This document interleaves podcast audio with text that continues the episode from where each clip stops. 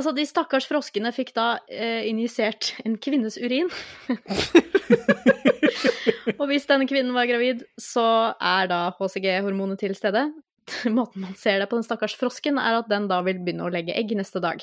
I alle dager. Ja. Det, det, I USA, hvor de ikke hadde så mange afrikanske frosker, så brukte de da kaniner, hvor det samme skjedde. Så måtte man faktisk eh, avlive begynte kaninen å legge egg? er dette påskeharen?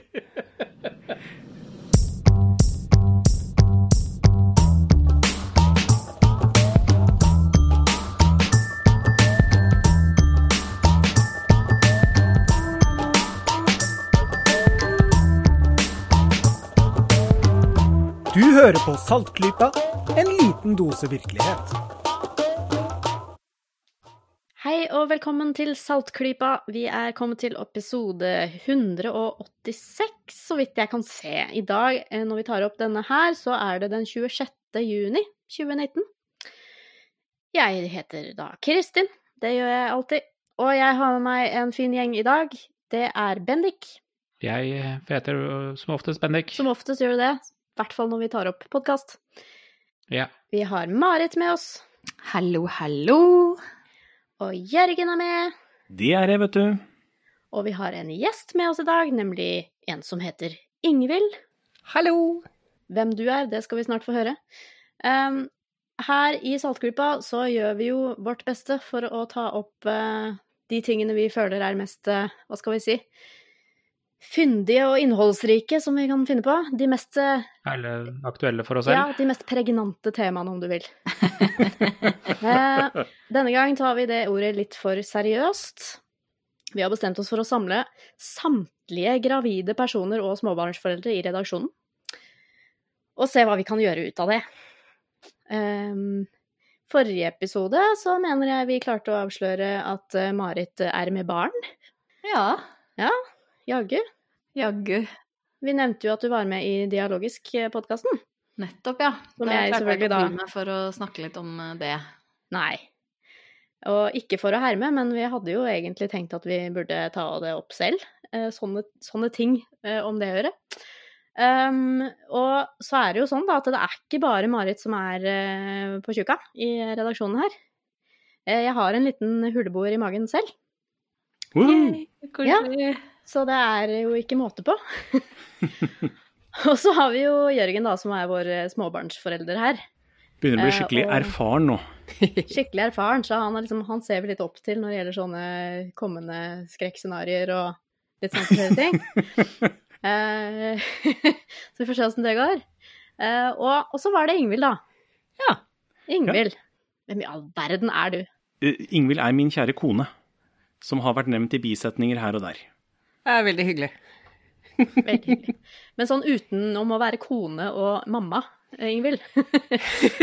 Eller er det Ja, det da er det ikke så mye du- igjen. Nei, det er stort sett det, det du er. Nei, jeg er eh, leder i foreningen Skepsis nå for tiden. Det er jo Ja! Det er gøy. Eh, Heldig skepsis. Skepsis er heldig. Ja, tusen takk. Ja. Og så er jeg arkeolog, akkurat sånn som Jørgen. Ja, arkeologene holder sammen, litt sånn som eh, jeg og astronomhusbonden min. Ja, det er en greie. Ja, det er visst det. Og da jeg ble kjent med deg, Ingvild, så husker jeg at du Det var liksom sånne ting som eh, Sånn skeptikertema som eh, du ofte tok opp og snublet inn i når vi var på skeptikertreff og sånn. Det var sånn mammaforum. Ja. Ja, jeg der har har du brukt, vært en del. Du, jeg har brukt altfor mye tid på internett. Ja. Eh, også på disse mamma... Eller jeg, mhm, i hine hårde dager satt jeg veldig mye på Kvinneguiden. Ah. Eh, som jo har mange temaer, inkludert eh, graviditet og baby og barn og, og den type ting. ja. Ja. Det, det, det vet jeg også nå, fordi nå, nå er jeg der sjøl. Så da, da googler man. Ja, hvis man googler, så kommer alltid Kvinneguiden opp på i hvert fall topp fem. Ja, så hvis man googler etter fotsopp, så kommer Kvinneguiden opp. Hvis man googler etter eh, pinnsvin, så kommer jo ikke Kvinneguiden opp. Eh, Og begge de to er et bedre forum å gå inn på hvert spør en biolog. ja. Ja. Det, er- det er sant. Uansett. Men det er, men det er tydeligvis noe som eh, ja, gravide og potensielt gravide mennesker tenker veldig, veldig mye på dette her med eh, å finne informasjon. Og i dag så finner man jo det på nettet. Ja. Jeg har i hvert eh, fall tenkt en del på det liksom første jeg gjorde da jeg fant ut at jeg var gravid, var jo å laste ned Helsedirektoratets brosjyre. Eh, sånn, her er det du trenger å vite, liksom. Så sykt fornuftig, Marit. Ja, jeg håpet jo at jeg var et fornuftig menneske, da. Og så Ja. bestilte jeg også en bok fra en forfatter som jeg hadde hørt om for en stund siden. Også, men liksom, man kan jo ikke dy seg for å ramle inn i forum. Det er jo så Nei. mye å lure på, og det er så mye Når man liksom vet at det fins informasjon der ute, og man har et lite menneske inni kroppen sin og som man lurer på om har det bra, så er det jo fryktelig lett å liksom ramle inn i Ja, følge den hvite kaninen inn i det største hullet. Og bare ja, se hvor man havner. Ja. Og så er det litt det med at eh, så forum, det er jo personlige historier. Og sånn rent Hvis man skal tenke kritisk på det, så er jo ikke det det første man skal gå etter, men hvis man skal liksom sammenligne sine egne tanker og følelser med andres, så er jo det egentlig ganske greit å få litt sånn input i hva andre har erfart, og hva andre snakker om, og hva andre tenker og føler.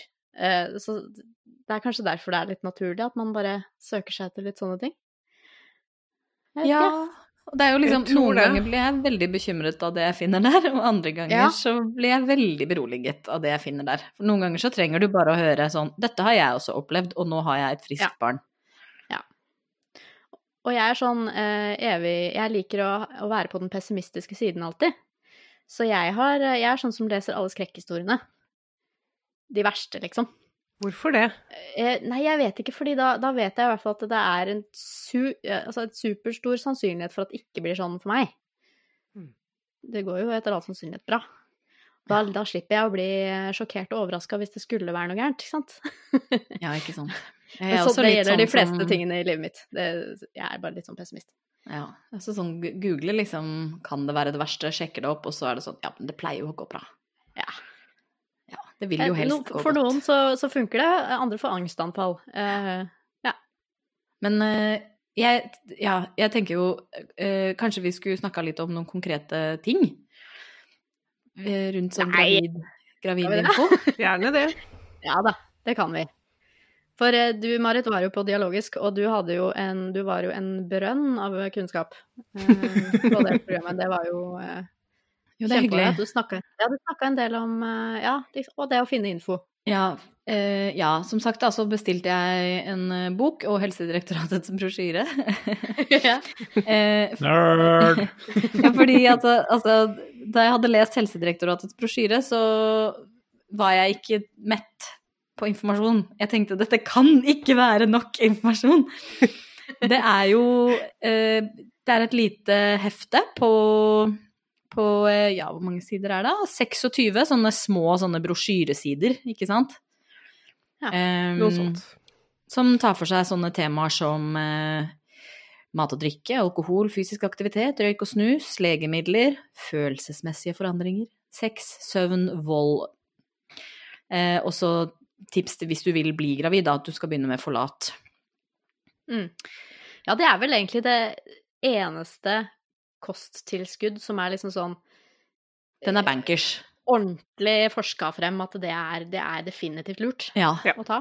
Den er er vel anbefalt for alle. Selv om man også gjerne anbefaler litt uh, omega-3 og D-vitamin og sånn, så er jo liksom sånn forskningen sier litt her og der ja. på hvor mye Hvor mye man tilskudd trenger. funker, da. Ja. F eh, f f eh, fremfor å få det gjennom maten og sånn. Ja. Men Mm. ikke sant det som, jeg, det som for meg har blitt et gjennomgående tema her, da, det er eh, at alle råd som kommer til gravide Altså det er veldig, veldig få av de som egentlig er absolutte. De fleste rådene som rettes mot eh, oss, er handler om risikoreduksjon. Eller små endringer i absolutt risiko. Og Ja, ikke så veldig stor endring i relativ risiko. Sånn at for eksempel folat, det er sånn Ja, nå husker jeg ikke det tallet øhm, foran meg, men folattilskudd er påvist å øhm, halvere risikoen for ryggmargsbrokk hos foster. Og det er noe som utvikler seg de, altså de første tre månedene av fosterlivet. Men hvor mange er det som får ryggmargsbrokk i utgangspunktet? Det er ikke så veldig mange. Mm. Sånn at det å halvere den risikoen er jo ikke kjempekrise, egentlig. Altså, det er jo ikke sånn at barnet ditt får ryggmargsbrokk hvis du ikke har tatt folat. Nei. Ikke sant? Men alt, alle rådene handler om risikoreduksjoner. Så da handler det jo plutselig mye mer om liksom å forstå risiko, da, enn egentlig å ha noen sånne rette, enkle kostholdstips å forholde seg til. Ja, og det er ikke noe som mennesket er sånn superflinke til å tenke på i hverdagen. Å tenke sånne Nei. Ja, altså å vurdere den risikoen, da. At det, er en dobling, men altså hvor mye er det? Sånn som du sa. Ikke sant? Og det gjelder jo også da rådene de skriver eh, Altså de mest liksom De vanlige rådene til gravide om liksom hva man skal spise og sånn. eh, Og hva man ikke skal spise. De er jo heller ikke absolutte. Ikke sant? Eh, Men de Mm. presenteres jo som om de er absolutte. Jeg har jo hatt folk på besøk som har fått helt eh, Har nesten gått og putta fingeren i halsen fordi de hadde fått i seg litt rått egg i en eller annen rett, ikke sant? Altså litt sånn halvkokt egg. Ja. eh, Det var liksom Å gud, salmonella. Så, men det fins jo ikke salmonella i Norge. Nei, men det er jo en risiko Nei. for det. Ja. Og da hadde sant, hun hadde bestemt seg for at hun ikke skulle spise rått egg mens hun var gravid, og da var jo det krise. Ehm, og det, det er en del sånne ting, da, at hvor liksom, hvis du har fått i deg en liten bit med kveite, og det står på den lista over mat som ikke, ikke gravide skal spise, så er det mange som reagerer litt uproporsjonalt på det. Fordi grunnen til at du ikke skal spise f.eks. kveite, det er pga. tungmetaller, som kan hope seg opp i store individer. Ja. Men hvis du spiser én skive med sushi fordi du ikke visste at det var kveite, liksom, så er det ikke har i praksis ingenting å si. Ja, ikke sant. Det er ikke en dose kveite som, som inneholder så mye tungmetaller, da. Nei. Da er det bare at et generelt råd, ikke spis så veldig mye kveite, fordi risikoen din for å uh, få i deg tungmetaller, eller konsekvensen av å få i seg tungmetaller, er litt høyere nå enn til vanlig. Ikke spis svære kveitekoteletter tre ganger i uka, liksom. Nei, ikke sant? Men da er det liksom sånn, da har man fått en sånn regel, unngå denne tingen, eh, og, så, og så forholder man seg til den absolutt, for det høres absolutt ut. Jeg tror mange gjør det både fordi det er enklere å forholde seg til. Eh, altså kveite er no go, for da slipper man å ta stilling til på en måte hvor går den, den grensa. Eh, og så tenker jeg òg at det er Det er nok mange som er, sånn som du sier, uproporsjonelt redd for konsekvensene. Mm. Eh, og den dårlige samvittigheten med hvis det da skulle gå noe gærent. Mm. Eh, Så vil man alltid lure, liksom. Var det Ja. den kveitebiten? Ikke sant. Ja. Um, og det er jo, det er jo mange uh, andre matvarer som man anbefales å unngå her i Norge. Um, som, som Ikke sant, altså Jeg hadde heldigvis hørt en podkast Jeg hadde hørt på Econ med Russ Roberts, som er, det syns jeg er en veldig interessant og god uh, podkast. Det, er veldig ofte jeg ikke er enig med han, men det gjør ikke noe fordi han er liksom eh, ganske fair and balanced fyr. Men han har hatt intervju med en helseøkonom som har eh, Da hun ble gravid sjøl, så tenkte hun hvorfor i huleste får jeg så eh, ensartet informasjon når bakgrunnsbildet for disse anbefalingene åpenbart er mer komplekst. Jeg er et oppegående menneske, jeg forlanger informasjon, jeg vil vite selv hva det er som faktisk er risikoen, og så vil jeg veie det opp mot mine egne ønsker og behov. Fordi hvis det er sånn da, at uh, si du blir syk av å ta folattilskudd, så er det kanskje ikke så innmari viktig uh, for deg å ta det tilskuddet, eller å redusere den risikoen med 50 ikke sant? Fordi du har andre negative konsekvenser av det. Ja. Og Nettopp. for de færreste så er det veldig farlig å kutte ut kveite, spekkskinke, røkelaks, eh, blåmuggost eller sånne ting. Men det burde jo faktisk strengt tatt være opp til hver familie å vurdere hva slags risikoer man er komfortable med. Eh, For det er jo det er så mye sånn moralsk fordømmelse, sånn man kan ikke skjønne at du kan utsette barnet ditt for sånn risiko. Eh, For noe så banalt som en bit med spekeskinke. Så det er sånn, nei, men hva er egentlig den risikoen? Har man, eh, har man egentlig innsikt i det? Ikke sant? Ehm, ja, så hvis vi tar spekeskinke som eksempel Ja, der er det jo eh, to ting som man kanskje kan ta hensyn til, det er vel toks toksoplasmose og listeria. Yep. Alt ettersom. Ja. Ja er det toksoplasmose på det òg? Eh, jeg husker ikke om det var det, eller om det var eh, annet eh, ikke-preservert kjøtt, sånn type ikke gjennomstekt biff, for eksempel. Ja. ja, det er jo Det er vel kanskje mer i rått kjøtt, ja. Ja, det er mer i rått kjøtt, ja. eh, Ja. Spekeprosessen dreper den. eh. Listeria er, er grunnen de oppgir når de sier at Ja. man som gravid ikke skal spise spekeskinke. Nei. Um, ok. Det er listeria. Hva er listeria? Listeria er en, eh, en bakterie som til vanlig, hvis du får en infeksjon med det Altså, du kan fint ha, få listeria gjennom systemet ditt uten å bli særlig syk av det. Uh, hvis du er litt svekka i immunforsvaret eller har en kjip uke, så kan du bli sjuk av det, og da er det for de fleste vanlige voksne noe influensalignende symptomer. Da har du fått en infeksjon. Man kan vel ha det uten å merke det. Kan få det uten å merke det. Kan ta det gjennom systemet, og bare, det bare passerer. For et foster derimot, som ikke har noe fungerende immunforsvar, så kan det få alvorlige konsekvenser. Det kan, ja, om jeg husker rett, føre til eh, forskjellige utviklingsforstyrrelser. Og det verste er at du som forelder vil ikke da merke det, fordi du vil ikke bli så veldig syk nødvendigvis, mens fosteret kan bli ganske sykt. Det var vel også et tilfelle, eh, mener jeg husker, hvor det var eh, listeriabakterie eh, som kom fra en ost som ble servert på et sykehus Eh, ja, for noen år siden, som førte til eh, at ei spontanaborterte et tvillingpar, faktisk. Å, herregud. trist. Ja, og det er sånn absolutt worst case scenario. Ja. Eh, ikke veldig sannsynlig, men, men det kan skje. Ja. Burde kanskje sagt i førsten at eh, vi kommer sikkert til å nevne en del eh, kjipe ting Ja. i løpet av podkasten, så hvis, eh, hvis det er noe du ikke vil høre om, så kanskje hoppe over litt. Ja. Ja. Um, men i hvert fall uh, ja, det kan, ja, det kan faktisk medføre abort, ja. Det er, eh, det er en av konsekvensene. Um, men saken med listeria er at det er veldig vanskelig å påvise når noen har vært syke med det. Fordi det er veldig lang inkubasjonstid for sykdommen. Mm. Sånn at det er ikke alltid at du veit hva det var du spiste som gjorde deg syk.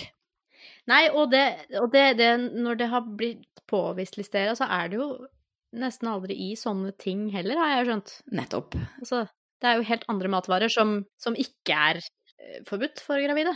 Ikke sant. Det er jo nettopp det at man eh, Man vet jo egentlig ikke alltid hva det kommer av, man bare vet at noen har fått det. Og så er det sånn så må du på en måte sjekke hva har de spist de siste 70 dagene, ikke sant. Mhm. Det kan være hva som helst av det. Hmm.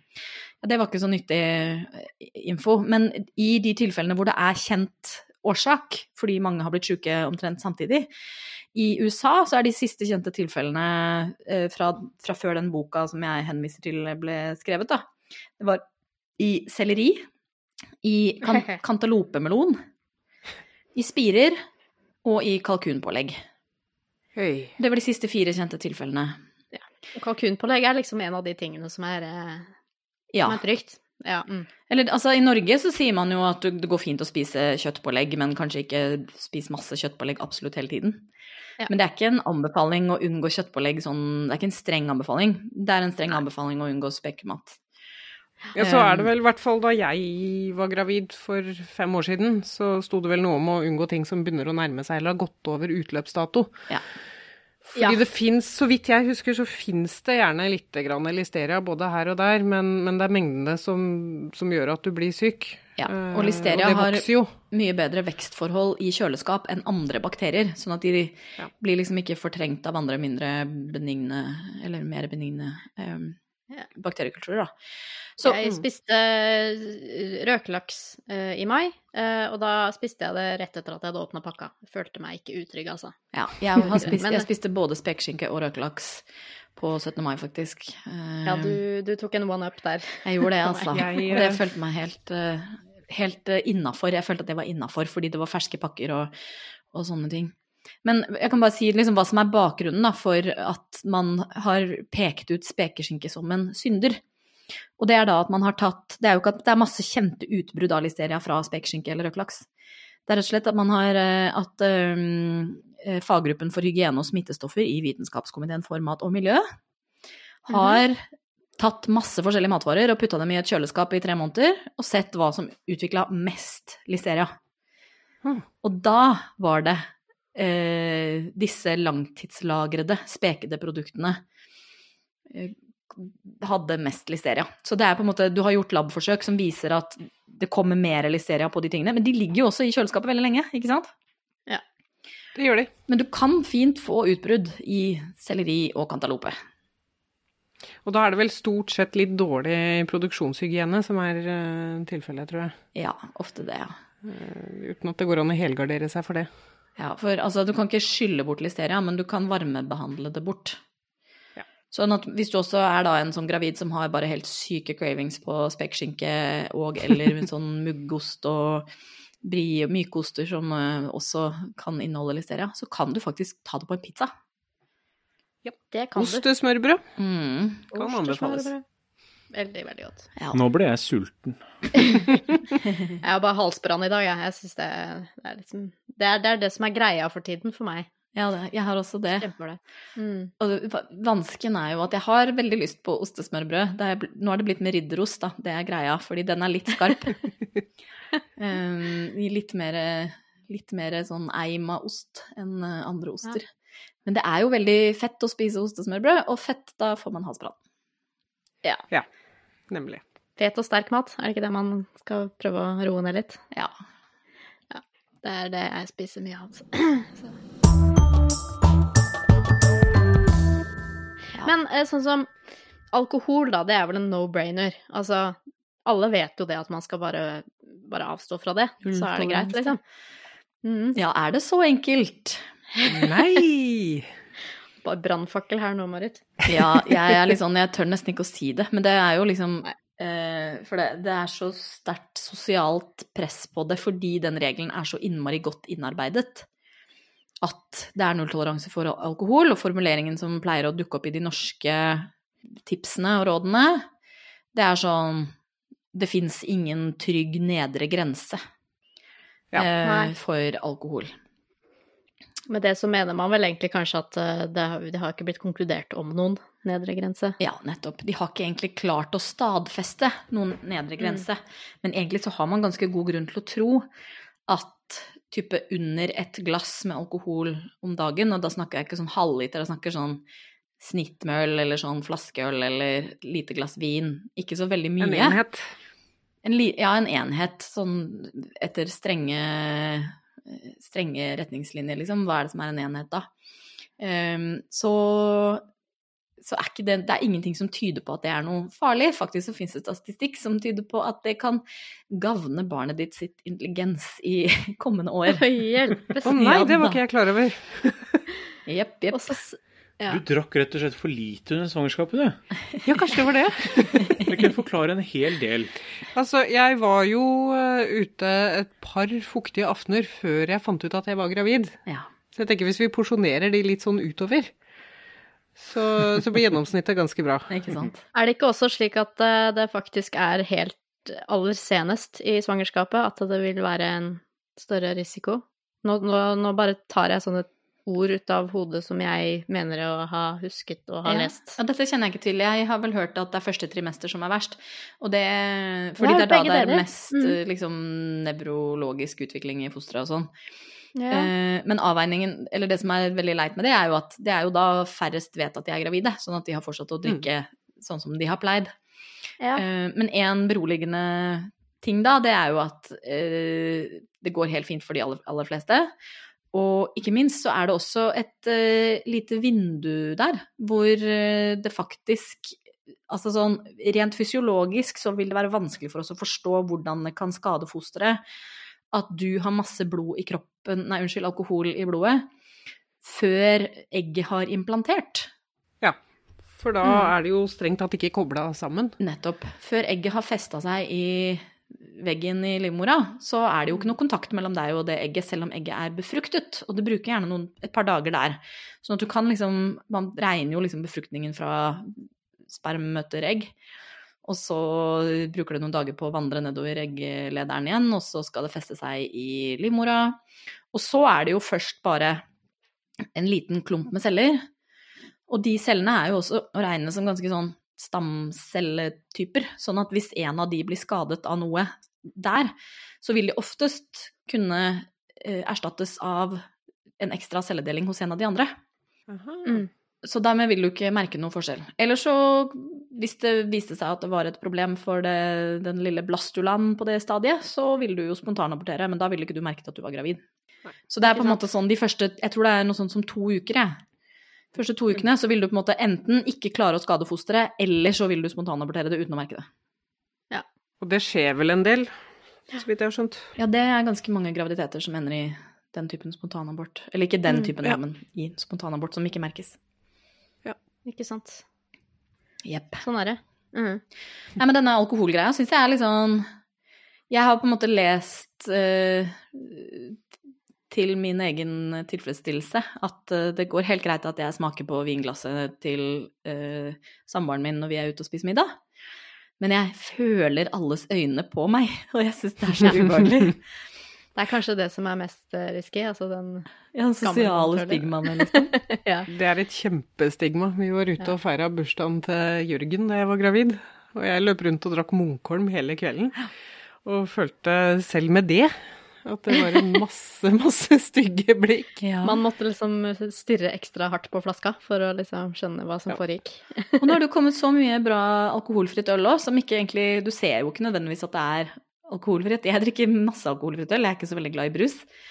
Så, Ja. Og det også føler jeg er liksom Må liksom eh, passe på at jeg setter merkelappen hvor det står 0,0. Ja, Utover. gjerne ha med seg en liten sånn merketusj hvor man liksom streker over. ja. Se her. Ja, det er, det er sant. Det er jo veldig mye gode alternativer. Og så føler jeg at det er mer sånn, aksept, altså sånn sosialt akseptert nå, føler jeg i hvert fall blant uh, vår generasjon. At det trenger ikke å drikke når man er ute Nei. og sånn. Nei, det er jo sant. Men det burde jo være opp til familien, eller opp til de som skal velge det, da. Selvfølgelig. En sak som er litt vanskelig med dette her med å si at ja, det går an å drikke litt, er at la oss si at det er, du har noen som faktisk har et alkoholproblem, da. Mhm. Som da veldig lett kan lages unnskyldningen at ja, men dette gjør jo ikke noe. Og det gjør ikke noe at jeg tar den i dag også. Mm. Og i morgen og overmorgen. Ja, altså og man det eh, Det baller på seg. Så det at det er det strenge stigmaet, eh, har nok sannsynligvis hjulpet mange mødre til å ta seg sammen og ikke drikke. Og i hvert fall ikke drikke for mye. Helt klart. Og det har jeg òg tenkt på. At det kan være en viss strategi når det gjelder de offentlige rådene der. Også med tanke på dem som kanskje trenger en eh, litt mer firkanta rammer å forholde seg til. Ja, og så er det jo veldig lett også at hvis man først har et lite glass, så tenker man at da er det sikkert ikke så veldig farlig med et lite glass til. Men så fort du på en måte begynner å nå det nivået som kalles binge, altså sånn tre enheter eller mer på en kveld, ehm, så er det faktisk litt høyere risiko for eh, fosterskader, da. Mm. Så, og, det- og, og, en av effektene av alkohol er jo som kjent uh, hemningsslipp. Svekkede hemninger. Svekkede hemninger, ja. Så det er jo liksom uh, Hvis du tar deg et par eh, tar deg et lite glass vin, da, og så bare Ja, så kanskje det sklir litt ut, og så tar du litt mer. Og så går du rundt og smaker på andres drinker, og så blir det sånn. Ikke sant? Så mister du veldig fort oversikten om hvor mye du egentlig har drukket. Plutselig så har du tatt en shot, og det er dumt. Ja. Så det kan godt hende at rådet er fornuftig, men jeg syns fortsatt det er litt sånn snikete. Eh, og det er litt umyndiggjørende at de eh, At de bare antar at folk ikke fikser sånn informasjon. At man ikke kan ta imot en sånn beskjed om at eh, hvis du har lyst på et glass vin, og det ja, eh, senker skuldrene dine eh, en gang, liksom, her og der, så er ikke det noe stress. Ja. Nei, det er jo dette med risikovurderingen, da. Folk og informasjon. Altså, det er jo veldig mange som ikke tar til seg råd om at vaksiner er helt trygt, eksempel, så man vet jo, Mm. man vet jo aldri. Mm, Jo mer nyansert informasjonen er, jo mer forvirrende er den for de fleste. det er det. Så kan du gjøre sånn som, så gjøre sånn som meg, da. Jeg drikker ikke nå. Jeg har, drakk ikke da vi planla å bli gravide heller, så da blir det bare stas til høsten, tenker jeg. Men Kristin, da kan du ikke drikke, da skal du amme! Nemlig! Ah, men jeg har hørt noe annet om det også. Ja. For det er Ja. også litt sånn derre knee jerk, som det heter på godt norsk. Ja. At eh, men du skal jo ikke drikke når du ammer. Fordi da kommer jo alkoholen inn i eh, brystmelken. Mm. Inn i morsmelken. Eh, men hva Ok, hvordan er promilleregninga her, vet du? Ja.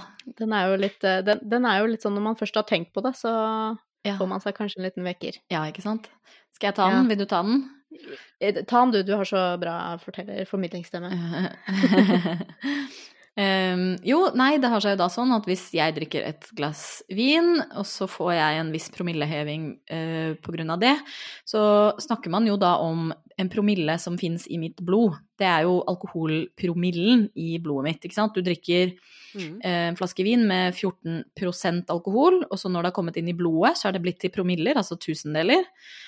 Eh, og morsmelk har samme promille som det andre kroppsvæsker har, altså samme vil, Altså vil eh, morsmelken ha en promille. Så hvis, eh, hvis du blir full av å drikke vin med promiller, ikke alkoholprosenter, men alkoholpromiller, så er du billig i drift eh, på fest.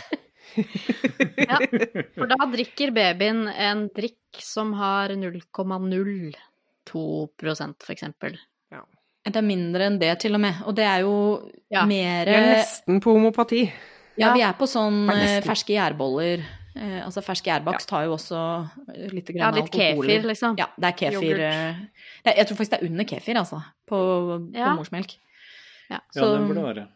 Det som er langt mer alvorlig, er jo at eh, hvis du faktisk har eh, promille, altså hvis du er alkoholpåvirket, så er det mye større sjanse for at du skader barnet ditt på en annen måte. Ved at du f.eks. Ja. slipper det i gulvet, eller sovner opp oppå ja. det, eller noe s- Du skal jo ikke gi ungen din pupp når du er møkkings, Nei, tenker jeg. ikke sant?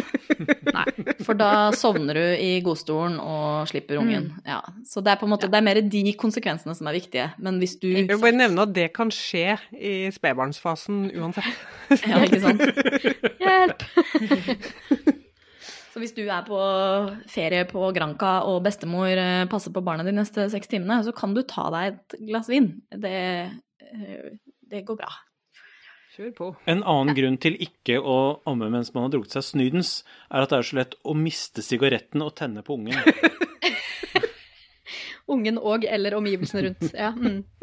Jeg måtte skifte stilling, for nå får jeg en litt sånn krampe i leggen. Det er som alle symptomene kommer sånn fortløpende Er det når vi skal snakke om magnesiumtilskudd? Ja, jeg spiste en banan i stad.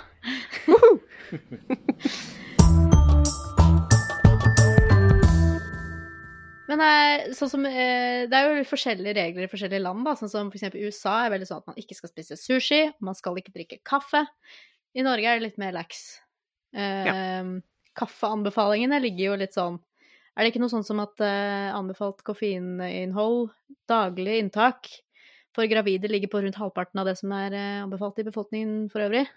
Jeg tror det tilsvarer et par kopper i hvert fall. Ja. Ja. Eh, Helsedirektoratet sin brosjyre sier eh, ikke mer enn én til to kopper kaffe per dag. Ja. Men da er det jo sånn, ja, hva er en kopp, da?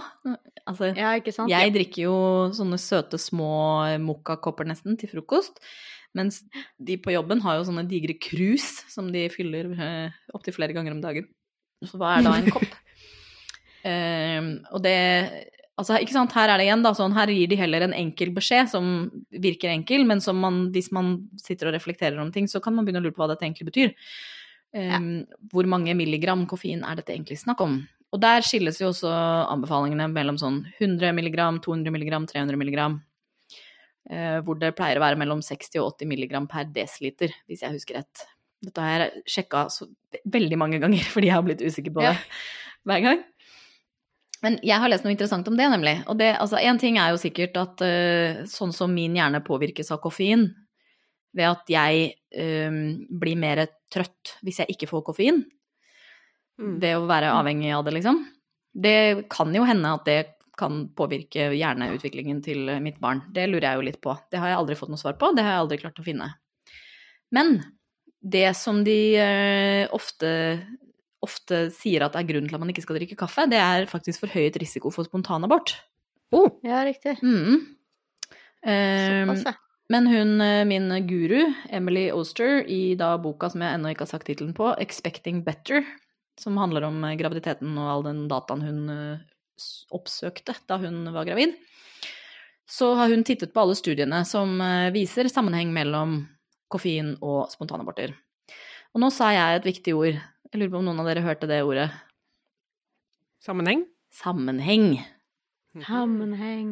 Sammenheng. For det er sånn at det er veldig vanskelig å gjøre gode studier på om koffein er farlig ved å sjekke om folk har drukket kaffe eller ikke, og om de har spontanabortert eller ikke.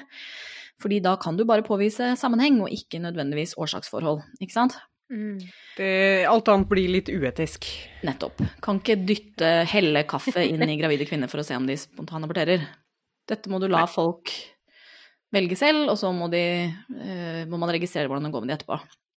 Og det gir jo som, som kjent litt mindre pålitelige årsaksforholdsresultater. Du kan ikke alltid konkludere med at denne ene tingen er farlig. Um, og, det som hun eh, skriver, da, det er at det er, det er jo en del liksom, store studier som påviser at det er for høyt risiko for, uh, for spontanabort ved høyere koffeininntak. Men hun har da også klart å grave opp noen studier som viser at det kan hende at det faktisk hele, det hele skyldes en bakenforliggende faktor. Mm. Rett og slett det, det at hvis man er veldig mye kvalm i svangerskapet, så er det litt lavere risiko for spontanabort. Altså det er bra, for, det er bra å være kvalm i svangerskapet, tidlig i svangerskapet. Det er en god ting. Selv om det er utrolig Ja. kjipt for dama, så er det en god ting. um, og de, fer de som er kvalme, de drikker mindre kaffe. Ja, ikke sant? For de har ikke lyst på kaffe, for de er kvalme. Nei, Selvfølgelig. nettopp.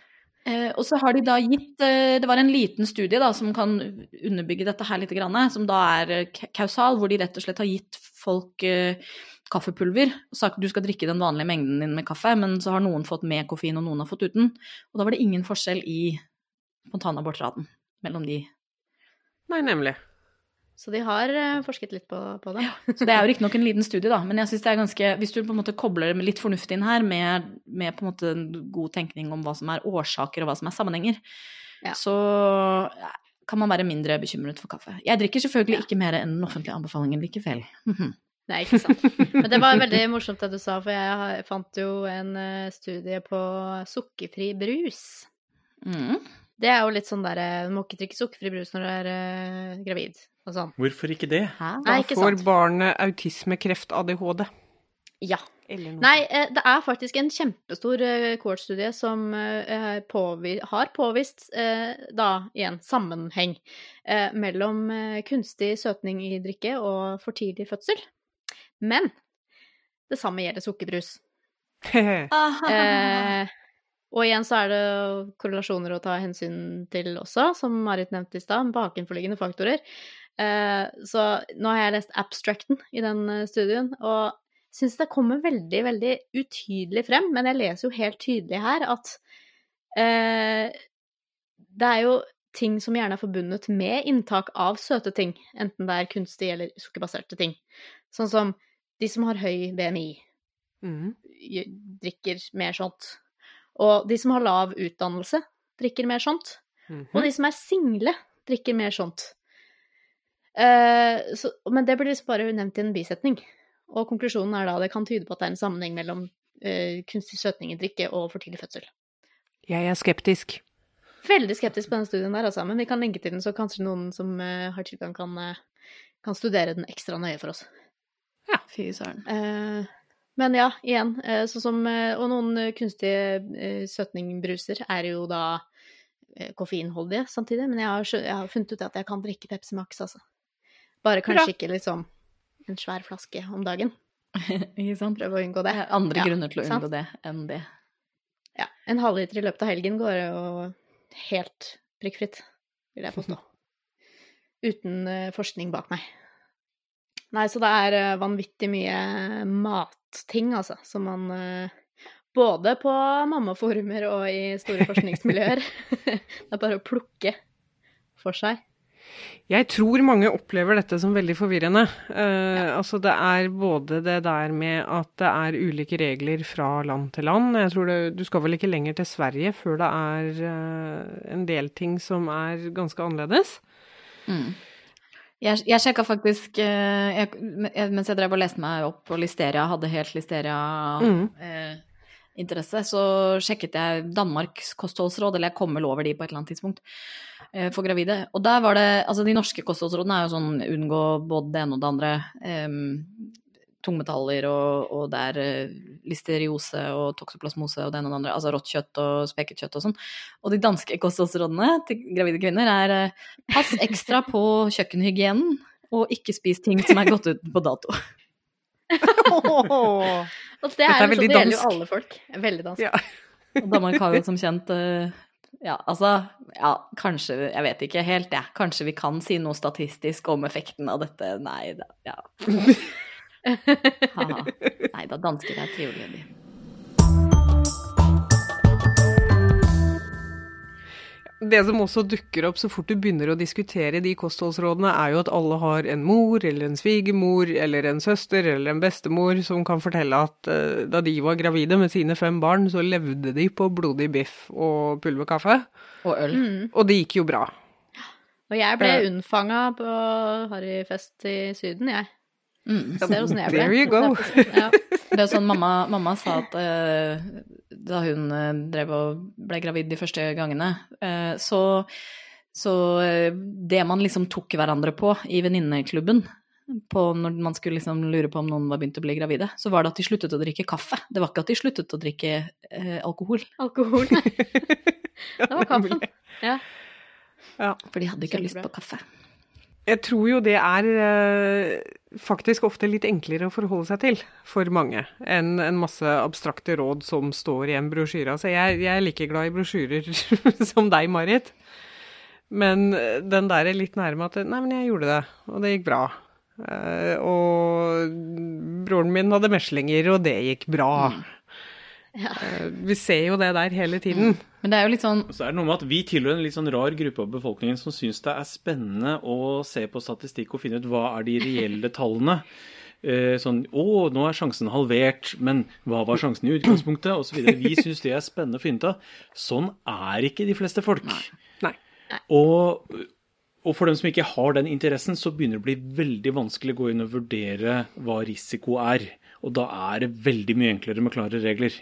Ja. Jeg tror nok også det kan oppleves som enormt uoversiktlig å få en masse Altså, det, det er litt tvega sverd, det her. Jo mer informasjon du gir, jo mer får sånne som oss å, bygge på til å ta selvstendige vurderinger. Eh, men jeg tror fort det blir veldig uoversiktlig og rett og slett kanskje litt vanskelig å forholde seg til for en del, hvis du ikke er, eh, hvis du ikke er vant til å lese så mye om forskning og, og alt mulig sånt. Så jeg vil jo tro det er en viss kalkulert uh, mengde detaljer i disse offentlige rådene. Men kanskje de kunne laga én To versjoner av disse brosjyrene. Én for nerdene og én for alle andre. Ja, det er sånn les mer. Ja takk, jeg vil gjerne Ja. lese mer. Jeg vil lese expecting a geek. rapporten fra Vitenskapskomiteen for mattrygghet, som gjennomgår faktisk risiko for listereutvikling i alle de ulike matvarene. Den eh, lå jeg og leste en eller annen morgen, ikke sant. Men det er jo ikke alle som eh, gidder det, og det må være helt greit. Men det er jo også noe med da, ikke sant. Altså, sånn, det er veldig deilig å høre sånn ja, ja, jeg ikke sant? Mamma drakk sikkert vin under svangerskapet med den eldste broren min. Nei da. sikkert derfor han er mer intelligent enn en eh, oss andre. Men, Det må jo være det. men um, jo, at det gikk bra. Men dette er jo nettopp sånne anekdoter som vi skeptikere ikke er så veldig Vi som liker informasjon og, og, og prøve å tenke fornuftig om ting og ryddig om Ja. ting. Vi liker jo ikke egentlig anekdoter. Det er jo ikke pålitelig informasjon, ikke sant. Det er ikke kvalitetssikra, det er ikke nødvendigvis riktig. Men gud så betryggende det er. Ikke sant. Det var det vi nevnte litt innledningsvis, at eh, jeg går jo Jeg er jo med på forumene, jeg òg. Jepp. Jeg oppsøker dem, jeg òg, bare for å sjekke sånn at det står ja, jeg hadde vondt i magen under venstre Ja. ribben, og det gikk bra. Ja. Mm. Og så gikk det bra. Og så kan man sove godt den natten også, liksom. Det er sånn mensensmerter uke 21. Ja. Altså sånne, sånne type Google-søk. Sånn Hvorfor har man det? Ikke sant? Eh, ja. Bare vent til babyen er født, dere. Og det skal vi også prøve å få tid til å snakke litt om i dag. Kan jeg bare komme med, før vi går videre, tre-fire rare fakta?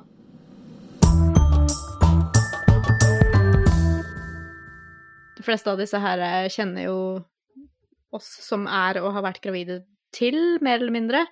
Men eh, det er kanskje ikke alle lyttere som eh, vet om dette. eh, Og et par av disse er noe jeg også da fant ut nå i år. Som eksempel det at blodvolumet til en gravid person øker med opptil 50 Hva? når man blir gravid. Mm. Det er ganske kult. Man får liksom to liter ekstra blod. Det er ikke rart man blir andpusten. Det er ikke rart man blir andpusten. nei. Om man bare skulle gått Det er rett og slett for å bedre oksygentilførsel og gjøre det effektivt og sånn. Så ja, det er jo en kilo pluss det med, med kroppsvekt, bare det. Eh, og så fant jeg ut at eh, Det visste jeg egentlig fra før òg. Man snakker jo om bekkenløsning, vet du. Ja. Og jeg har bekkenløsning. Ja. Jeg kan ikke Jeg må bli sjukmeldt fra bekken... Altså alle gravide får bekkenløsning. Ikke jeg. Bekken, ja, men bekkenløsning er jo bare det at bekkenet blir mykt. Ah, det er sant. Det er jo det at i Norge så kaller man det bekkenløsning når det egentlig korrekt skal være symptomgivende bekkenløsning. Mhm. For det er ikke alle som får vondt av det. Nei.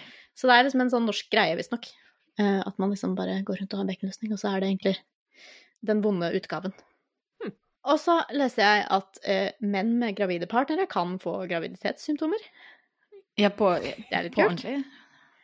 Altså sånn på ordentlig, altså symptomer og symptomer, eh, kan du si, da. Uh, det, dette er jo høyst sannsynlig psykosomatisk, selvfølgelig. Mm. Eh, men det, det, det har et kallenavn. Det heter Kovad-syndrom. Ikke det at det er nødvendigvis et syndrom, men eh, de kan få vektøkning, de kan få morgenkvalme. De kan til og med få rier og fødselsdepresjonssymptomer. Sympati, Ja, det var skyld for meg at jeg måtte slutte å drikke og alt mulig rart jeg, for å passe på den lille barnet i magen. Ja. Ok, det var en spøk. Jeg skal ikke tulle med det for dem som eventuelt måtte slite med det. Neida. Men eh, ja, nei, men det er noe med å være en mann på sida. Det er ikke bare enkelt, det, altså. Nei, det er jo mye å Man får jo mye å tenke på begge to, altså alle involverte.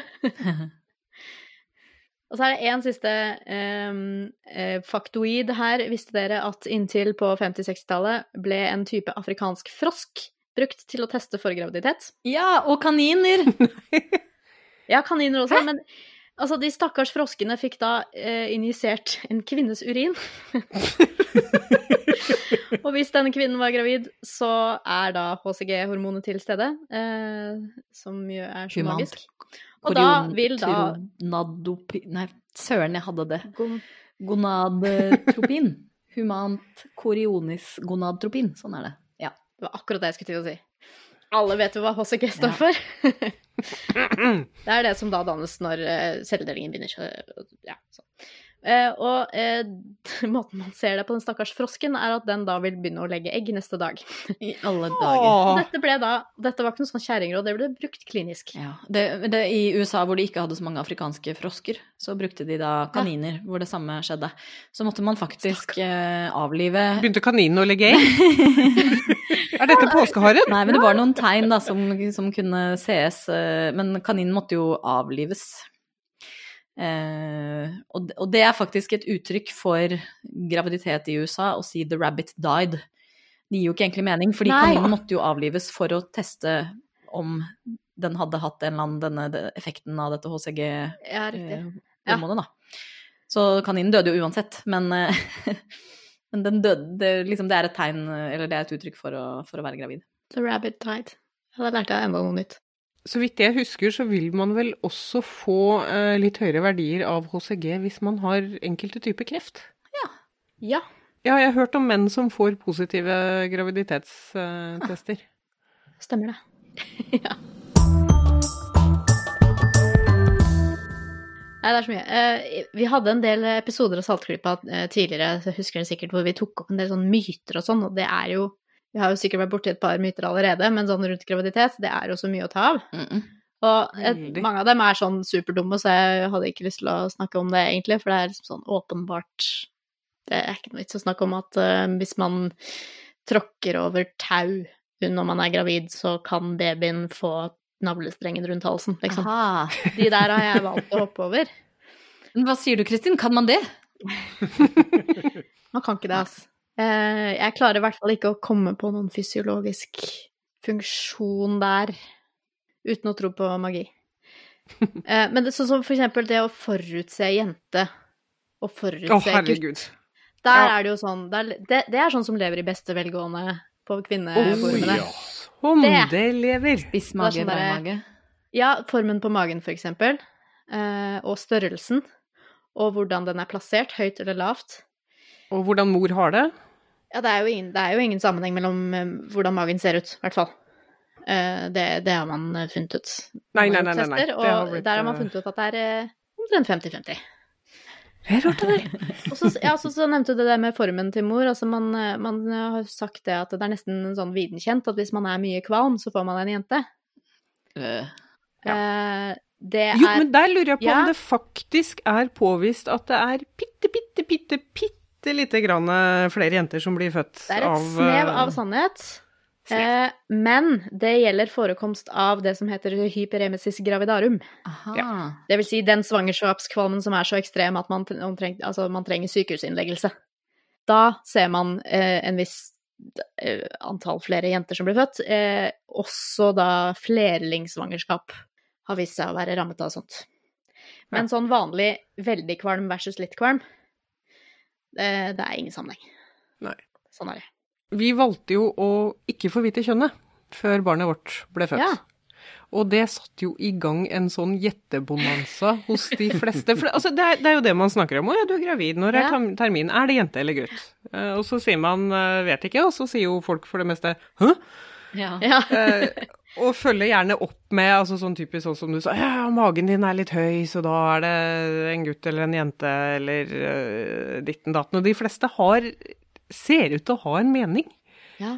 Uh, det er veldig fascinerende. Og det som også slo meg med veldig mange av disse mytene om, om kjønnet, er at det ligger så vanvittig mye stereotyper i det.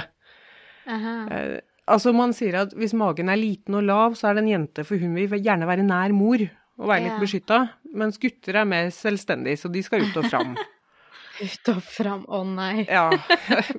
Og jenter stjeler mors eh, skjønnhet, så hvis du blir gusten i huden og, og mister glansen i håret, så er det ei jente. Um, har du lyst på noe søtt, så er det jente. Har du lyst på kjøtt, så er det gutt. Mm. Og så videre, og så videre, og så videre.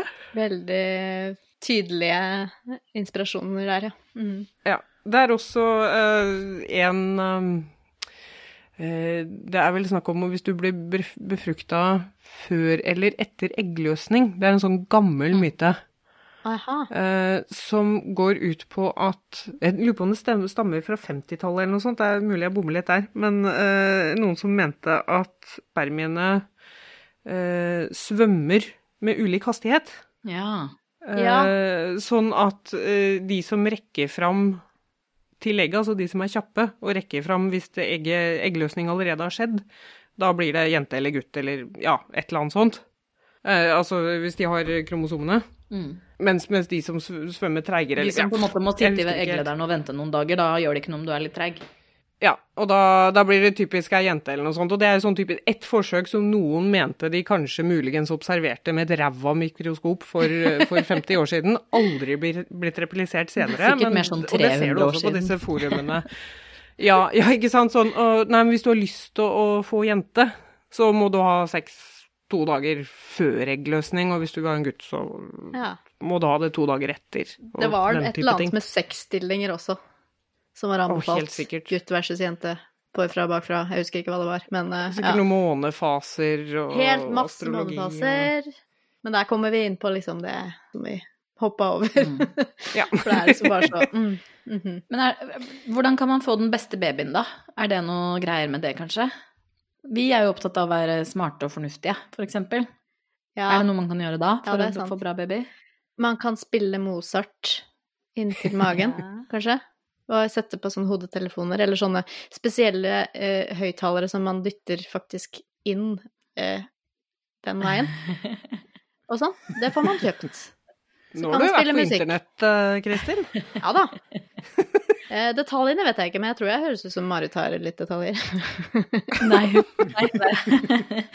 Jeg har ikke Nei. forholdt meg til dette her, altså. Det Nei, det er altså Det er jo egentlig bare tøys.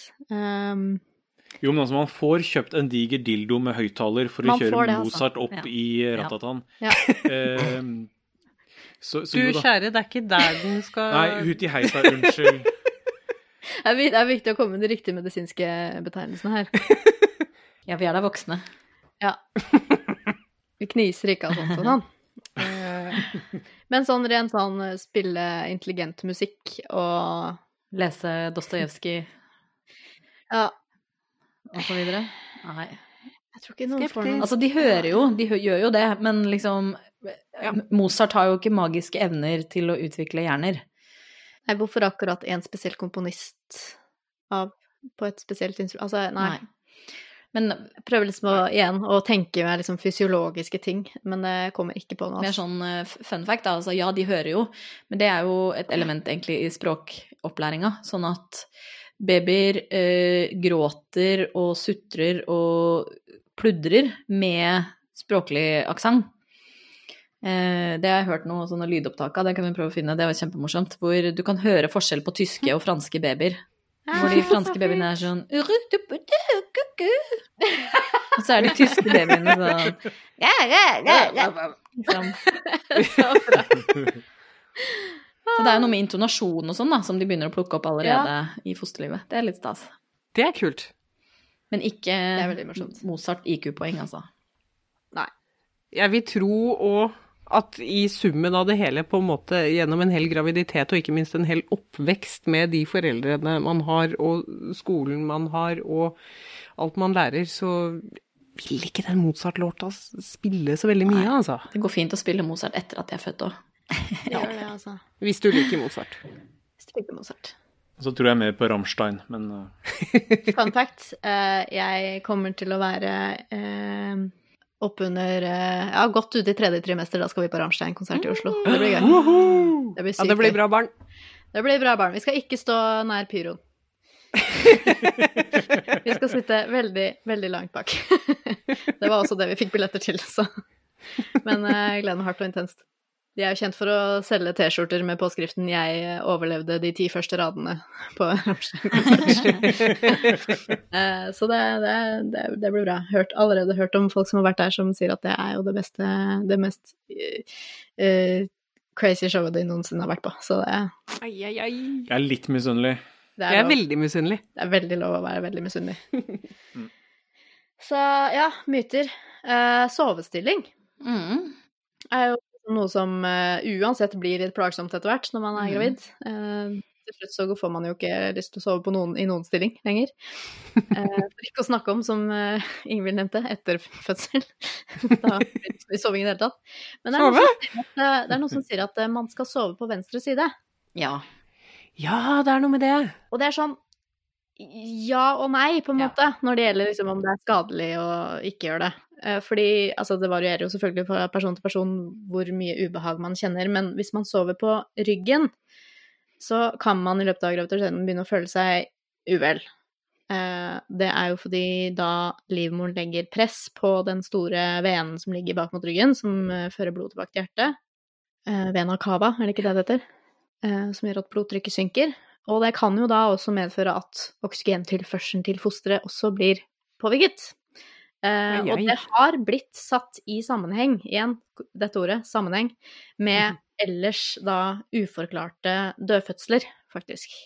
For det er en del dødfødsler, det er jo ikke så mange av dem, men en del av de som ikke blir født i live, har man ikke noe særlig forklaring på. Og da har dette da vært Benakawa-syndromet vært en del av forklaringen som har blitt for, eh, forsøkt og ja, blitt gitt på det, da. Og når det gjelder også da sidesoving, så er det liksom en sånn utbredt liksom sånn anekdotefakta at eh, det er venstre side som er best, fordi da legger man liksom på riktig forhold til litt sånne organer og sånn i kroppen, og litt blod, blodstrømming til fra hjertet og Eh, det, og det gjelder ikke bare ved graviditet, men også for å forhindre litt sånn andre helserelaterte plager. Og så er det noen som sier at begge sidene er like greie å sove på, og, og andre studier eh, som har funnet en omtrent lik risiko for dødfødsel ved ryggsoving som når man sover på venstre side. Eh, For meg så høres det nesten ut som sånn der ignobelverdig eh, studie å søke og, og sjekke ut hvilken side som Ja. er best for barna å sove på, altså. Men igjen da, så er det da snakk om risikovurdering. Eh, denne risikoforskjellen. Der er det også da i, i hvert fall en studie funnet da igjen en dobling av risikoen for død, dødfødsel eh, når man sover på ryggen, versus på siden. Men det er sånn typ fra 0,2 til 0,4% ikke sant? Så sjansen sant. i utgangspunktet er ørliten. Så eh, vær så snill, kjære gravide lytter, ikke vær redd for å snu deg over på ryggen i søvne uten at du merker det selv. Det blir uansett innmari ubehagelig å ligge på noen annen måte enn på siden. eh, begynner å kjenne så vidt at liksom det er greit å ha en sånn lang pute som jeg kan ligge og klemme på på siden. Sånn, som ligger, sånn puten er min beste venn-type stilling. Eh, den er ganske grei å ha. Jeg skulle også til å si at eh, den babyen har vel heller ikke så godt av en mor som er fullstendig utslitt, fordi hun ikke får Nei, sove på venstre side. Igjen så er det risiko Risk versus benefits, som det så Ja. fint heter. Mm. Hva med bading når man er gravid? Jo, selvfølgelig kan man bade. Eh, anbefalingene går ut på å unngå litt sånn offentlige varme boblebad og badstuer og sånn. Mm. Og det går faktisk mer på temperaturen i livmora enn Eller din kroppstemperatur, da. Ja. Fordi den lille fosteret, det har jo ikke noen måte å regulere sin egen temperatur på. Og det er litt større risiko for overoppheting og dehydrering og sånn når man er gravid, fordi man må gjerne få i seg litt mer væske og Apropos de literne med ekstra blod. Ja. Og blodtrykk som jobber litt ekstra hardt med å finne ut hvor det skal være. Sånne ting. Og så er det noen diskusjoner om eh, hvis du er i offentlig bobleball, kan det være noen bakteriesmitterisiko der, men så er det jo også egentlig også ganske beskytta der nede. Altså, det er jo en propp der, Ja, liksom. de er jo inni en eh, liten sekk. I en liten vann, vannfylt sekk. Ja, to vannfylte sekker inni en Ja, livmor. så du skal ha veldig uflaks. Og det er det jo noen som har, men eh, Det er jo det. bakterieinfeksjon i, eh, i vagina forekommer jo, og det er dritt. Men ja. det er ikke noe sånn kjempelett å vite hva man skal gjøre for å unngå det, fordi at risikoen for at det er bakterieinfeksjon i et boblebad er allerede lav. Men ta deg gjerne et bad i klorbasseng, eh, eller enda bedre i havet nå på sommeren. Hvis du er, elsker å bade på stranda, så gjør jo gjerne det, ikke sant? Fint å være aktiv. Smør magen. Smør resten av kroppen òg. Ja, selvfølgelig. Ja det, ja, det er også en sånn symptomgreie at man får ekstra mye pigmentering i huden. Jeg er faktisk eh, ekstra blek, men uh... Er du det, ja? det kan hende at jeg bare har vært flink til å smøre meg fordi jeg har hørt det. Så ja. Ja, det kan hende. Og bad i badekar er det noen som sier, å, du må ikke gjøre det, men altså det, det går også bare på det der at eh, ikke ha dritvarmt bad og sitt der i 40 minutter, liksom. Ikke sitte og svette oppi der, nei. Ikke sant? Det går an å ta seg et bad. Mm -mm. Sånn er det. Er det noen som har noen flere myter, eller noe Ja, det er jo veldig mange morsomme ting de sier eh, at kan bidra til å sette i gang en fødsel, da. Å ja. Eh, har dere hørt noen? Ja, det er typisk sånn som dukker opp. eh, Folk er drittlei Ja. på slutten. Og vil eh, Det hørtes nesten ut som du snakker av erfaring. Du, vet du hva? Jeg var i kjempegod form Ja. på slutten, og var egentlig litt sånn Nei, dette er helt greit. Jeg tror det var eh, på selve termindagen så var vi ute og plukka sopp i ulendt eh, terreng. Fint. Og syns det var helt greit. Men, eh, men jeg konstaterer jo at på Kvinnegarden Ja. for eksempel, så er det mange som når det begynner å nærme seg, lager tråder som går på «Vet du Nå orker jeg ikke mer. Hva kan jeg gjøre? Ja. Og da er det jo Da vet vi jo, da kan vi stadfeste at den siste tingen du gjorde før du fødte, det var det som fikk i gang fødselen. Oh yes! Klar sammenheng igjen der. Ja, nei, men eh, det er veldig mye morsomme råd eh, der, da. Det er jo masse sånne ting man kan spise, eller sånn de sier at man kan ha sex, eller liksom sånne ting. Men ifølge da Chill. Ja, har dere flere morsomme? Eh, Fødepizza, ja det går jo under spising, da. Men, eh, men eh, hvis du googler fødepizza, så finner du en oppskrift. Og det er ganske standard norsk lørdagspizza à la 80-tallet, tror jeg. Eh, Fantastisk. men, men den skal da visstnok få starta, få starta det. Ja, og så er det masse sånn te og sånn Ja. man kan drikke, da, visstnok. Ja, sånn. Eh, Bringebærblad, Ja, det tror jeg det er. Eh, og stimulere brystvortene. Så jeg vet jo det går en del veldig gravide damer rundt omkring og klyper seg kronisk i puppen de siste par ukene. Men hør her, her, fordi det var det jeg skulle si, at det er faktisk en ting som er påvist å virke, og det er bryststimulering. Det er det. Er det det? Men eh, nå, oi, nå skal jeg se om jeg rekker å finne sitatet her veldig eh, fort. Um, saken er at du må gjøre det sånn minst tre timer om dagen. Å, Det er slitsomt, da. Jeg vet ikke om det er bedre enn å være eh, veldig gravid, altså. Nei, ikke sant? Det, det, det tar jo sin tid, da. Det er jo liksom Tre timer. Så kan det hende noen har en mann som er villig til å hjelpe litt, hva vet jeg, men eh, Er det ikke bedre å drive med ta seg ti minutter med bekkenbunnstrening i stedet? Her skal vi ha den da, vet du. Nip nipple stimulation. Bryststimulering gjør at eh, livmora begynner å trekke seg sammen, og det er faktisk evidens for at det kan eh, forårsake fødsel, eller indusere fødsel. Folk som har vært randomisert inn i bryststimulering og ikke-bryststimulering-grupper. Eh, og så har de da blitt spurt om de har gått inn i fødsel tre dager senere. De som ble bryststimulert, der var det 37% som var eh, i fødsel tre, etter tre dager, mot bare 6% av de uten bryststimulering. Dette er en stor effekt, og var konsekvent over flere studier. Høres kjempebra ut, eh, men det var faktisk én time eh, ganger tre per dag. Jepp. Det, var, det er ikke verdt det, altså. Eller jeg, jeg kan kanskje høre igjen med meg selv i uke Ja. 40. Um, ja. Kommer det an på om du syns det er behagelig eller ikke å få brystene stimulert på den måten.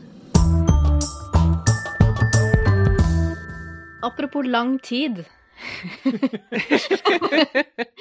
vi liker å snakke, vi. Tydeligvis. Jeg har så lyst til å bare få liksom de to viktigste tingene som Ingvild har å fortelle oss om småbarnsforeldretilværelsen, jeg. Å, herregud. Fordi at du sitter på en gullgruve av informasjon der. Du og Jørgen, for så vidt. Ja.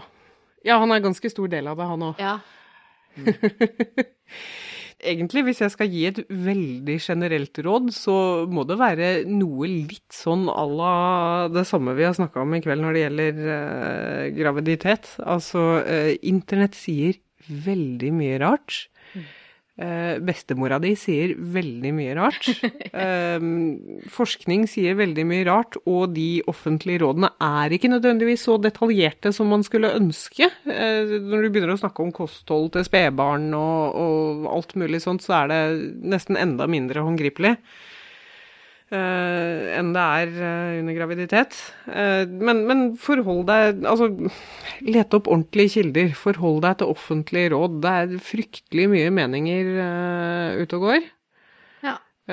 Uansett hva du googler, så havner babyverden og kvinneguiden øverst. Ikke, ikke bruk det som primærkilde. Nei, så er det det som eh, er veldig åpenbart. Man kan planlegge alt, eh, hvordan man forventer at ting skal bli, og forberede seg og lese hva andre har opplevd. Og så kommer det altså ut en, et vesen som har sin helt egen personlighet og, og sin egen kropp som er helt unik. Og det er stort sett ingenting av rådene du har fått som kommer til å passe. Nei, ta det som det kommer. Ja. Ta det som det kommer, og, og møt ungen din for den den er. Det er egentlig det beste. Og så fins det enda flere foreldrebøker enn det fins gravidbøker. Jeg tviler ikke et sekund på det. Nei, men også her fins det en del kule ting, da. Altså, det fins en nettside som heter Evidence-Based Parenting, det fins flere gode Facebook-grupper, det fins masse bøker som er mer eller mindre forskningsbasert. Altså, det begynner jo å bli en del vagere når man begynner å snakke om eh, altså, utvikling av eh, evner og alt mulig sånt.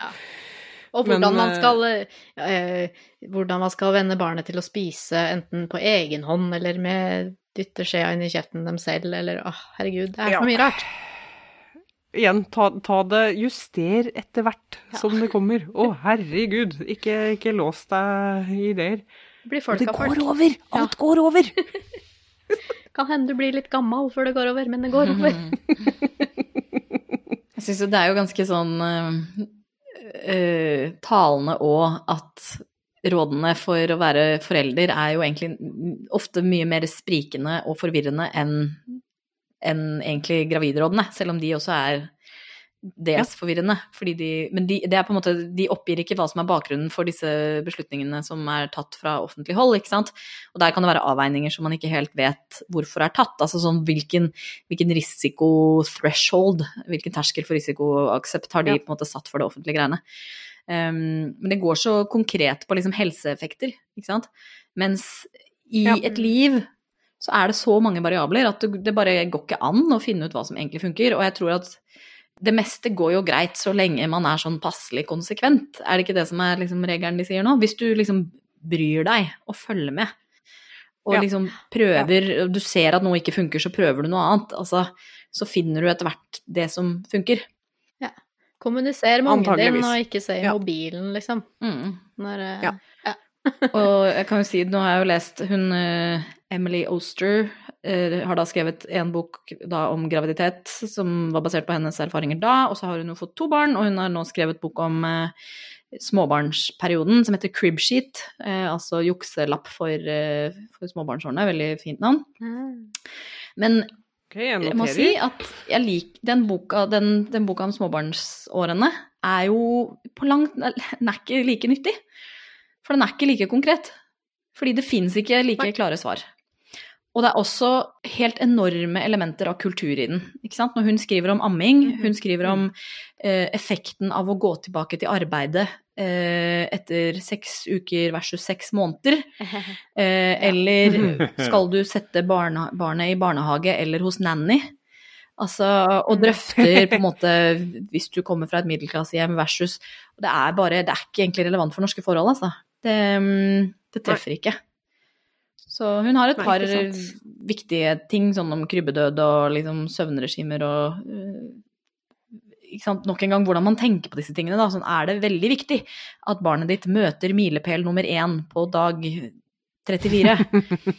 eh, så forklarer hun nei, det er ikke det. Fordi dette er normalfordelinger, og alt går seg til til slutt. Um, Normalfordelinger liker ja, vi. og hun forklarer også sånne ting som at her vet vi så lite at du må selv sette deg ned med det tallet som er risikoen for et eller annet her. Eksempel sånn risikoen for, for, um, for krybbedød ved samsoving. Litt høyere. Men hvis det passer bedre inn i din families liv, så er det kanskje en akseptabel risiko for at du skal kunne leve det livet du ønsker, med den familien du ønsker. Ikke sant? Man må på en måte kunne eh, vurdere og det å være Det å ha sovet opp mot Ja. En risiko for eh, andre alvorlige ting som kan skje. Altså kanskje du er mer farlig hvis du ikke har sovet. Og det, det akkurat det der, der er hun veldig, veldig god på.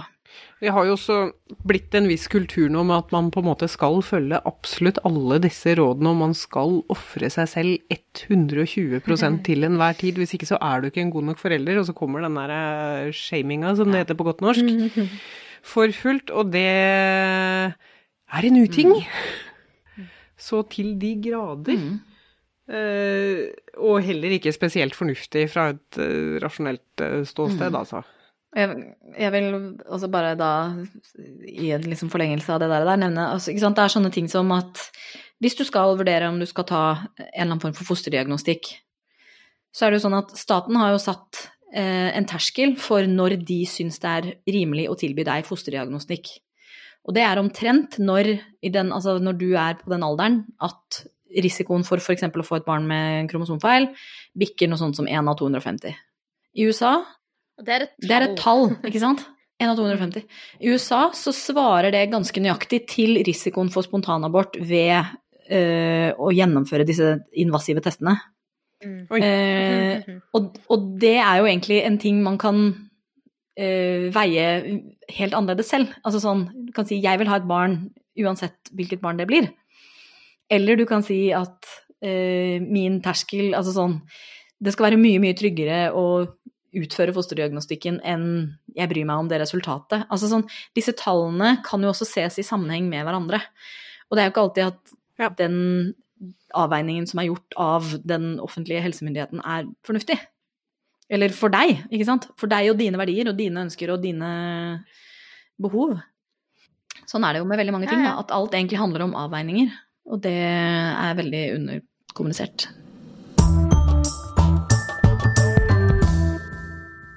Men du, eh, Bendik, har du lært noe i dag?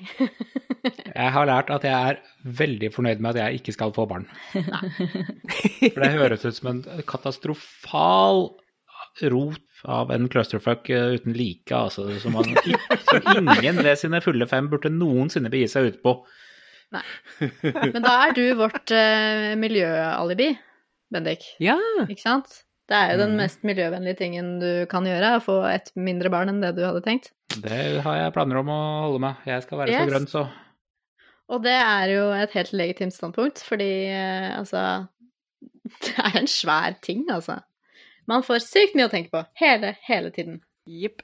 Uh, så det og blir ikke noe Jeg blir ikke noe mindre utover sommeren, og det blir ikke noe mindre å tenke på. Men da tror jeg vi uh, skal nærme oss en slags slutt. Uh, og eh, vi har nevnt mange ting i denne podkasten. Mange ressurser, mange eh, ting vi liker å lese og sånne ting. Og jeg tenkte vi skulle da anbefale, eh, anbefale litt ting på tampen, sånn som vi alltid gjør. Før vi går til episoderelaterte ting, så vil jeg si en saltklypa-relatert ting, nemlig det at nå eh, er vi på Spotify. Eh, yep. Så for de som har eh, mast på det, eh, med full rette, for det er det stadig flere podkaster som gjør, går på Spotify, eh, så kan de glede seg over det. Slipper man å rote med masse forskjellige apper for å høre på det og sånn.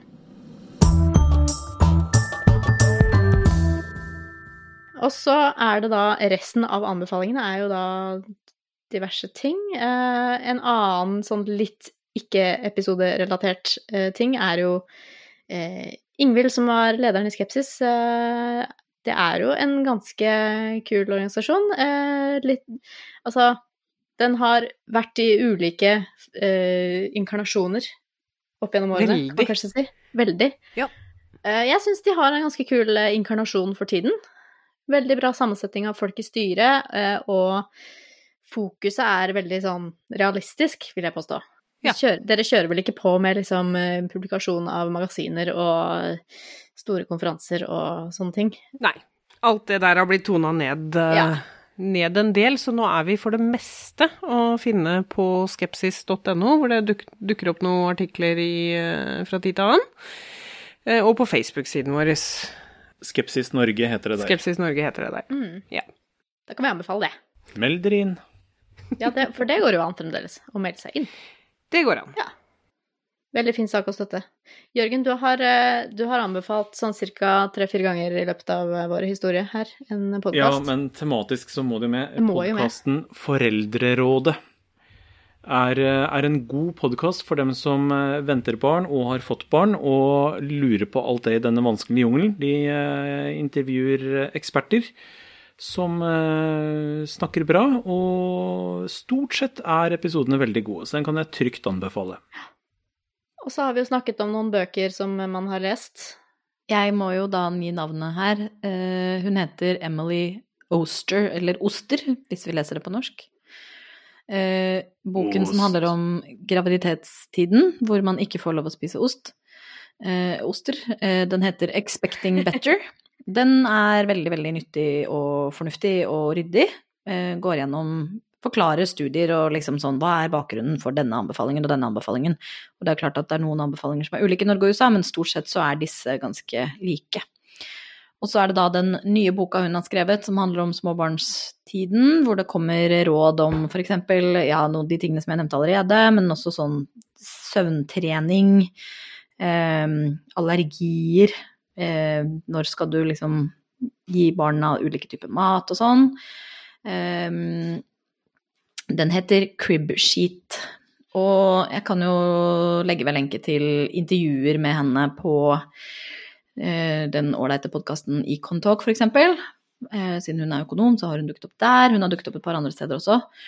Eh, men de er jo veldig greie. Da går de ganske sånn systematisk gjennom påstandene som fremmes om disse greiene her. Og så har jeg også lyst til å anbefale en litt mer sånn koselig bok, som apropos graviditeter. Det er en bok av en eh, norsk eh, ung biokjemiker som heter Katarina Vestre. Eh, og boka heter Det første mysteriet. Den er veldig lettlest eh, og fin. Og handler rett og slett om all, alt som skjer inni fosterets kropp mens det utvikler seg inni magen. Så det begynner liksom Det det er veldig sånn vitenskapshistorisk og populærvitenskapelig om celledelinger og om liksom fosterutvikling, sånn hva skjer hvis du sprøyter inn eh, A-vitamin i et kyllingfoster, hva skjer da?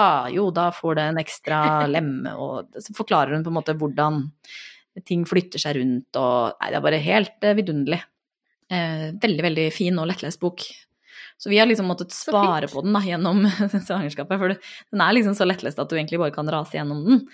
Men så er den jo da fordelt på uker, og det er jo veldig morsomt å lese det sammen med de, den respektive uken man er i. Så den er sterkt anbefalt. Den er også blitt eh, Den er jo skrevet da på norsk opprinnelig, og så er den blitt oversatt nå til sånn 40 språk eller noe sånt nå. Så, Så bra. japansk og vietnamesisk og det ene og det andre. Veldig gøyalt. Da sier vi det. Og så må vi jo da si tusen takk til Ingvild for at hun uh, tok seg tid fra sin uh, busy småbarns- og arkeologkarriere. Takk for at jeg fikk være med. Og til dere andre og til de som lytter, så må vi jo nesten bare ta en liten pause nå. Jeg tror i hvert fall både Marit og meg må ta oss en liten tur og tisse. Det er jo sånt som, som skjer etter et Oh, par yes. timer når man er i vår situasjon. Og så legger vi oss og sover etterpå, tror jeg. Ja. Klar for det? Så snakkes vi om eh, Så snakkes vi når vi snakkes neste Det gang. gjør vi. Det er sånn vi pleier å si. All right. Da sier vi ha det bra. Ha sånn. Ha det bra, alle sammen. Ha det. Saltklypa lages av Kristin Lisha, Jørgen og Bendik. Har du spørsmål, anbefalinger, ris eller ros, send det til post at saltklypa.no, eller finn oss på Facebook. Lenker til alt vi har snakket om i episoden finner du på saltklypa.no, hvor du også kan abonnere på podkasten for å få hver episode levert på døra helt gratis. Takk til Smart 9000 fra Evig poesi som har laget kjenningsmelodien.